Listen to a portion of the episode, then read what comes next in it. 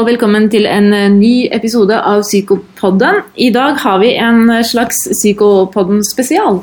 Eh, temaet er eh, nemlig tidlig intervensjon ved psykose. Det er hovedoverskriften vår. og vi, så, vi, har valgt å ha dette temaet fordi vi er så heldige å ha to av oss tre i eh, det faste panelet som da har vært sterkt involvert i forskning rundt tidlig intervensjon, det såkalte TIPS-prosjektet her i Norge. Eh, og bare for å ta det først, Jeg er som alltid Unn Haukvik, og med meg har jeg Erlend Garsjord. Som eh, nå nettopp har disputert på, eh, tatt doktorgrad på en gruppe som har vært med i dette tidlige intervensjonen med psykoseprosjektet. og Det er derfor vi litt benytter oss av anledningen til å snakke i dybden om dette. Og hans veileder. Jan Ivar Østberg, og jeg har vært med i Tipsprosjektet siden 97. Så gled dere til en ordentlig god eh, versjon av Psykopoden nå. Men aller først, hva er tidlig intervensjon? Eh, tidlig intervensjon. Altså, jeg tenker, eh, hvis vi tenker Når det gjelder generelt på alle psykiske lidelser, så var det en veldig lang periode eh, en tendens til at man kom altfor sent til å få behandling og den hjelpen man trenger optimal behandling. Eh, på 60-, 70-, 80-tallet så var det sånn at man drøyde lenge før man satte i gang med behandling. Men, hva er dette her for noe, hva kan det være, dette går over, etc. Helt til man på begynnelsen av 90-året tenkte at man kom for sent til. Og så begynte man med å prøve å, å fange opp uh, pasienter som sliter, i alle psykiske lidelser, men spesielt psykosefeltet, uh, før det hadde gått for lang tid. I, i Norge f.eks., og det er, det er nok bedret ganske mye nå, men så var det ikke uvanlig at man gikk med psykotiske symptomer som hallusinasjoner og vrangforestillinger opptil et år minst før man fikk eh, hjelp. Og så begynte man å tenke ja, men her, her ved alle andre lidelser så hjelper det å komme til. Er det kreft, hjerteinfarkt, eh, lungebetennelser Jo tidligere til man kommer, jo bedre går det.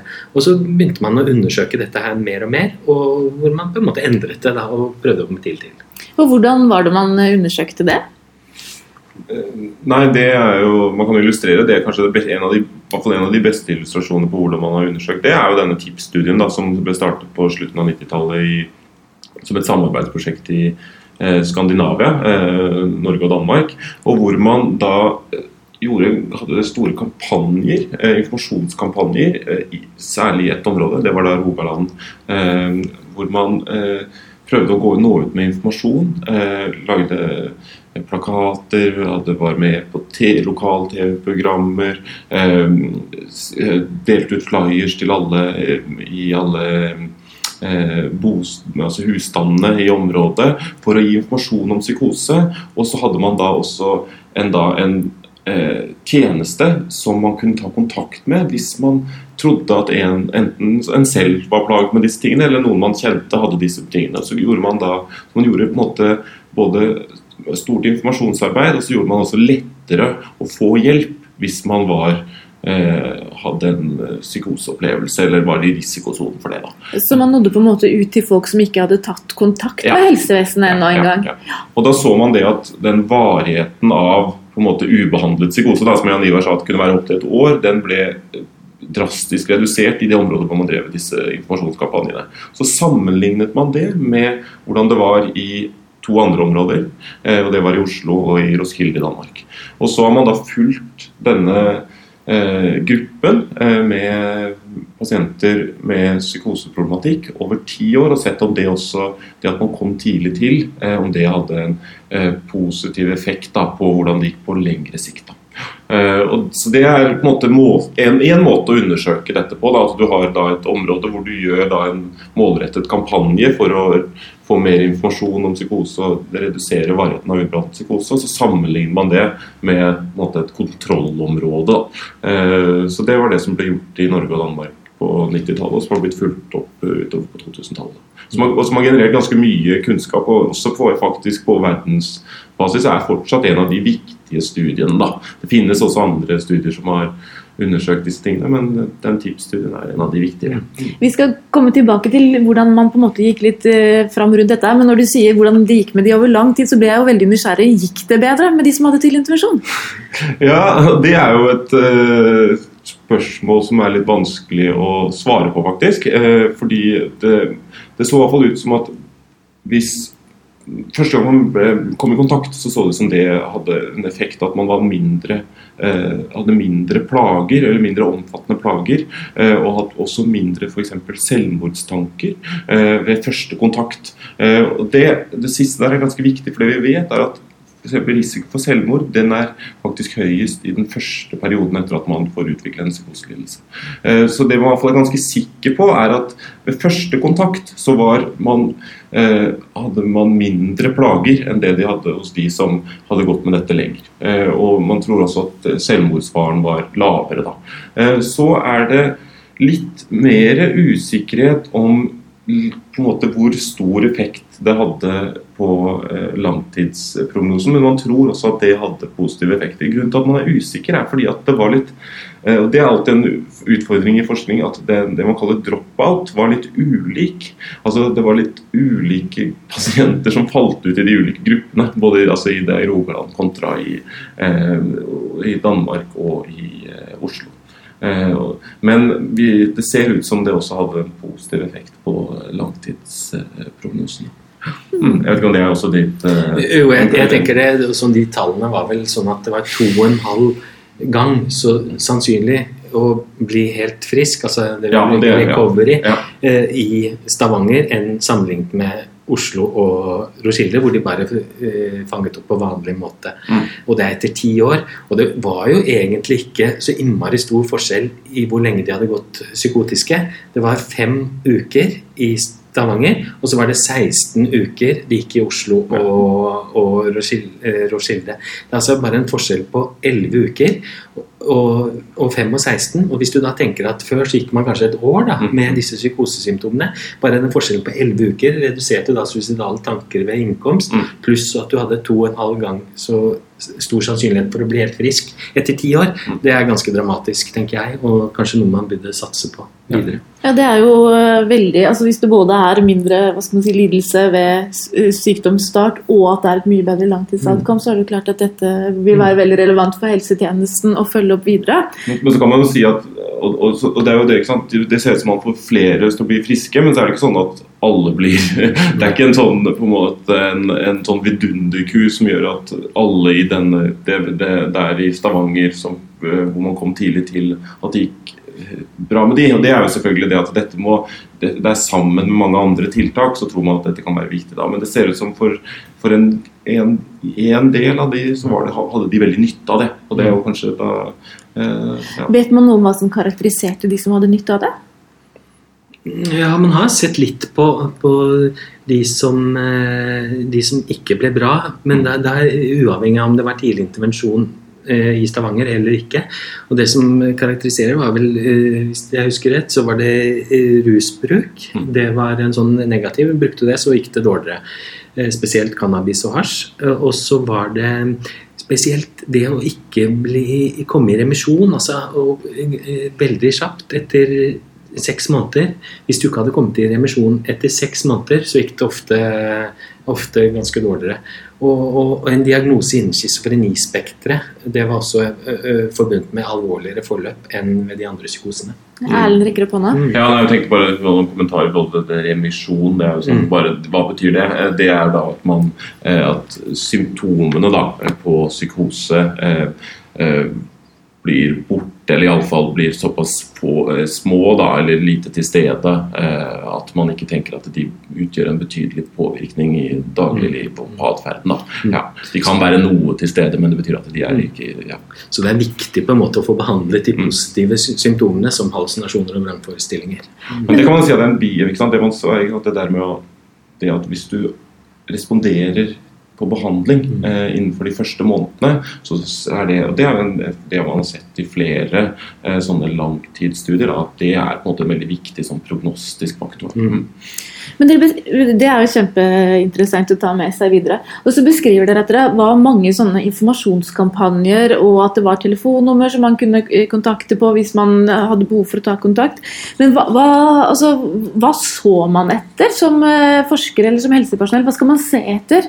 Eh, når det gjelder sånn tidlig, tidlig øh, psykose fram Nei, altså ideen hvis vi snakker om, ikke sant, og dette her er jo da dette var jo en studie som var lagt opp på å fange opp de som hadde blitt psykotiske. ikke sant? Eh, og det er litt sånn som Jan Ivar sier at eh, eller sa innledningsvis, at etter hvert så har man faktisk også flyttet fokus til de som er i risikosonen. Men, det, men når det gjelder den gruppen som ble inkludert i denne studien, så var det det om man hadde eh, symptomer på, på psykose der og da, og hadde hatt det eh, i perioden før man kom eh, til behandling. Eh, så Det er jo da typisk eh, altså vrangforestillinger, hallusinasjoner. Eh, forvirring, eh, på en måte vanskeligheter med å organisere tankene, den type ting, som vi har snakket om i en annen eh, podkast om psykose. Da. Mm. Nettopp. For det, ja, det er innmari viktig, det var jo de symptomene, men, men, det var veldig lav terskel for å ta mm. kontakt. Det tror jeg er ganske viktig. ikke sant? Var foreldrene bekymret? Var det, falt de ut av skolen? Eh, orket ikke å gå på skolen? Klarte de ikke arbeid lenger? Sånt, så det kunne være noen problemer, så kunne de ta kontakt for å undersøkes nærmere og se hva som, hva som var mm. Litt sånn at hvis det var en endring i endring, personens uh, oppførsel, eller hvordan han hadde det. Ikke turte å gå ut av døra, f.eks., eller snudde døgnet, satt nede i kjellerstua og spilte dataspill hele dagen, eller endret seg mer engstelig redd, og sånne ting også var, var med i bildet der. Mm. Men når dere snakker om at uh, fokus har flytta seg enda litt uh, tidligere, mm. hva er det man ser etter hvis man ser etter risiko før man får disse liksom, klare symptomene? Nei, skal jeg si litt om det nå? Ja, vi, men kanskje vi bare kan si litt om litt feltet. For den, det, ja. det, det, tipsprosjektet viste, på en måte var jo at sekundærforebygging på en måte, At når du har fått lidelsen, så kan du forebygge videre. ikke sant? Og så har man funnet at ja, det, det fungerer. ikke sant? Man klarer det. Kommer man tidlig til, så, så går det bedre. Og så har man liksom flyttet feltet til å primærforebygging, altså før den lidelsen inntrer. Mm. Og da, da har, har, du også hatt en del Der, har feltet stått en del år nå og, og utviklet seg. Ja, og da er det, da er det på en måte det man har gjort altså sier 90-tallet, egentlig, midten av 90-tallet, dette også, hvor de første på en måte hva skal man si, kriteriene ble utviklet da, for å si at dette er en gruppe som vi tenker er i risikosonen for å utvikle psykose. Men jeg tenker at Det er litt viktig å si at det er egentlig bare da, litt i overkant av 20 år man har holdt på med dette. Det er et ganske ungt eh, fagfelt der hvor fortsatt det er relativt lite kunnskap. Da.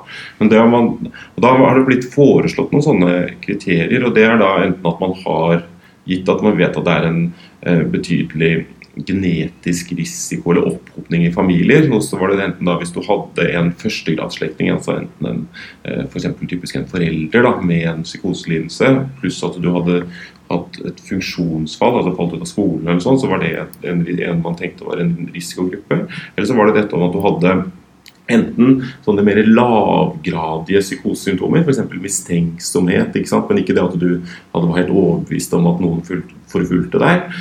Eller at du hadde da sånne typiske psykosesymptomer, f.eks. overvåkningsfølelse eller forfølgelsestanker eller stemmehøring, altså hallusinasjoner, men at de var veldig kortvarige. Eh, så har man undersøkt da, gruppe, eh, pasient, personer som har hatt, fylt disse kriteriene, og så fulgt de og så sett blir de psykotiske eller ikke. ikke og Dette er egentlig nybrottsarbeid. Man har, ikke, man har, jo ikke, visst om de kriteriene egentlig var gode. Og det man har sett, er jo det at avhengig av om du har genetisk risiko eller om du har disse kortvarige psykotiske symptomene, så er risikoen for å utvikle en mer tydelig psykoselidelse ganske forskjellig. Eh, men fortsatt er det sånn at hvis vi bruker de kriteriene, så er det over halvparten etter to år som ikke har utviklet noen psykoselidelse. Og det er ganske viktig, fordi det sier noe om hva er det vi skal hva kan vi gjøre av behandling? For Da kan du for eksempel, da bør du sannsynligvis for ikke være forsiktig med å gi alle medisiner, f.eks. Særlig når vi vet at antipsykotika har en del bivirkninger også. Og når du vet at kanskje halvparten faktisk ikke vil utvikle en mer lengrevarende psykoselidelse over de første par årene, så bør man i hvert fall tenke seg om to ganger. Ja. Mm. Tenker, er ikke De siste studiene er ikke de nede i 20% bare som vil utvikle en psykose? Hvis du tar hele gruppen, så er det bare 20 ja. Og de, de, må man jo Da tenker jeg som Erlend at de skal jo ikke behandles med antipsykotika med bivirkninger og sånn. Bare tenk hvis en 19-åring eh, legger på seg 15 kg eller et eller annet sånt. Sånn skal man ikke gjøre, tenker jeg. Når det er så liten gruppe som eventuelt vil eh, utvikle en psykoselidelse. Så her er det andre behandlingsformer man må tilby. For, for hva gjør man eh, hvis man oppdager altså at man er i denne gruppa med forhøyet risiko på den ene eller andre måten? Hvordan blir man, blir man tatt imot av helsevesenet? Blir man behandlet på noen måte? Ja, altså da kan du jo, altså Nå er det jo blitt det har jo vært fokus på dette, og så har det blitt utviklet sånn, eller det er blitt annet sånne mer sånn tidlig intervensjonsteam, da, og ofte da tilknyttet poliklinikker, hvor man kan bli henvist og fulgt opp. og da er det sånn at vi blir, man, Per i dag så er det ikke noe anbefaling at man får noen medisiner, eh, men selvfølgelig hvis man har en ledsagende depresjon eller angsttilstand, og sånn, så kan man behandle det også med medisiner. Eh, men så er det det at man blir fulgt opp, og, hvis man, og så er det det å prøve å få ofte det som er ser ut som kanskje man har vært en sånn Problemet med det med, oppfølgingen til nå, er det at man ikke har i tilstrekkelig grad hjulpet med fungering i hverdagen. Eh, det er kanskje det der hvor å, Hvis du har falt ut av skolen, så er det viktig å på en måte gi støtte for å komme inn i, på skole, eller hvis du har falt ut av jobb, eh, bistå med den type ting. Og så er det det å behandle da f.eks. angst- og depresjonssymptomer, som ofte er ledsagende, og som de aller fleste av disse sliter med. Mm. Eh, og Det kan være da med samtaleterapi, f.eks. kognitiv terapi, her har vist at det kan også redusere risikoen for å bli psykotisk, og de har jo mye mindre bivirkninger enn medisiner. Ja. Jeg, jeg tenker som Erne sier, disse har jo, de, de oppsøker jo helsevesenet fordi de har noen problemer og plager. Ja. Og, de, og, de, problemene og plagene må behandles, enten de da har nær, sånn grensepsykotiske ja. symptomer, eller de har angst, depresjon eller, eller andre ting. Og, og, de må følges opp. Det tror jeg er kanskje det viktigste. At man mm. følger de opp og får de, hjelper de tilbake til det funksjonsnivået de hadde tidligere. Og så er det jo interessant at av de som faktisk får en psykose, eh, så er det jo fortsatt relativt få som fanges opp eh, i disse tidlige intervensjonsgruppene. Men de har ofte vært i tilknytning til eh, noe hjelpeapparat på, med andre måter pga. angst eller depresjonstilstander. ikke sant? De har, men de har, blitt, de har, ikke blitt, vurdert til å være nødvendigvis i risiko for det. og Det sier noe om at per i dag da, så er ikke disse Vi er ikke gode nok til å identifisere hvem det er som senere utvikler en psykoselidelse. Og det, kom, det tror jeg måte vi vil kanskje Kanskje vi blir bedre på det på sikt. da. Jeg, jeg tenker også som du, jeg tenker det er to, to, problemområder på en måte. Det ene er at, at folk ikke søker hjelp fordi de ikke vet hva symptomene dreier seg om. Men så er det også mangel også på kunnskap i helsevesenet, at de ikke mm. ser disse mm. psykosesymptomene. Så begge de to er viktig å ha fokus på fremover, tenker jeg. Mm. Og det er jo litt sånn, for det er jo bare en sånn digresjon. Jeg tenker at Det illustrerer litt av hvor feltet har, hvordan det har utviklet seg. Det er jo det at den, på en måte, den mest altså Den viktigste internasjonale konferansen på dette feltet ble het eh, Early Intervention in Psychosis, ble etablert på 90-tallet. Bl.a. med noen av disse som jobbet med TIPS-prosjektet. Og den har endret navn til Early Intervention in Psychiatry de siste årene. Og Grunnen til det er nettopp det at man ser at det å, at vi bare skal være opptatt av disse psykosenære symptomene, det er sannsynligvis et litt for snevert fokus. Eh, fordi at det er mange som har da andre plager, og kanskje det at de på en måte, det, dette funksjonsfallet da, er kanskje mer sentralt å plukke opp. Ja. Eh, så, det er, eh, så det er en, dette er et fortsatt et felt som søker litt etter de beste modellene å jobbe på. da. Mm. Men hvordan er det Det er jo kjempeinteressant det dere sier, at det er gjort så mye god forskning rundt hvordan det faktisk går med folk, litt avhengig av hvor tidlig man kommer til. Um, men hvordan er altså dette med De siste årene så har det jo blitt hva skal man si, mer og mer uh, tillatt, eller folk snakker mer og mer om psykiske vansker, psykiske utfordringer, psykiske plager. Har det gjort noe med hvordan folk søker seg til eh, spesialisthelsetjenesten for psykosesymptomer også, eller blir det noe helt annet igjen, denne åpenheten? Denne åpenheten om psykiske lidelser, det er jo, den må vi ha en egen podkast om. fordi, fordi jeg tenker sånn Når det gjelder eh, forebygging på en måte av psykiske lidelser, med dette med primærforebygging, sekundærforebygging, og hvilket nivå man skal legge, legge forebygging på, på individnivå eller samfunnsnivå og sånn, det, det, det, er, det, er, komplisert. Og men det må vi ta en egen podkast på? Det tar vi en egen podkast på eh, litt senere. Eh, da tenker jeg at vi avslutter denne runden med denne spesialutgaven med tidlig intervensjon. Eh, er det noen siste gullkorn dere vil sende med ut eh, til våre lyttere? Nei, jeg tror vi har fått sagt det meste. Jeg tror at hos unge som sliter eh, psykisk, så tror jeg det er viktig at vi ikke har et hvert fall isolert syk fokus på psykose, så tror jeg vi har Men fungering i hverdagen, det er vi, må vi liksom det er, det er, det er viktig. Da må jeg Det er at uh, søk hjelp hvis du tenker at uh, du, du, har problemer. Det er hjelp å få. Det er god hjelp å få. Mm. Og det tenker jeg vel er veldig gode ord å avslutte med. Det er hjelp å få. Tusen takk for at dere var med, og tusen takk for at dere lyttet på. Tusen takk.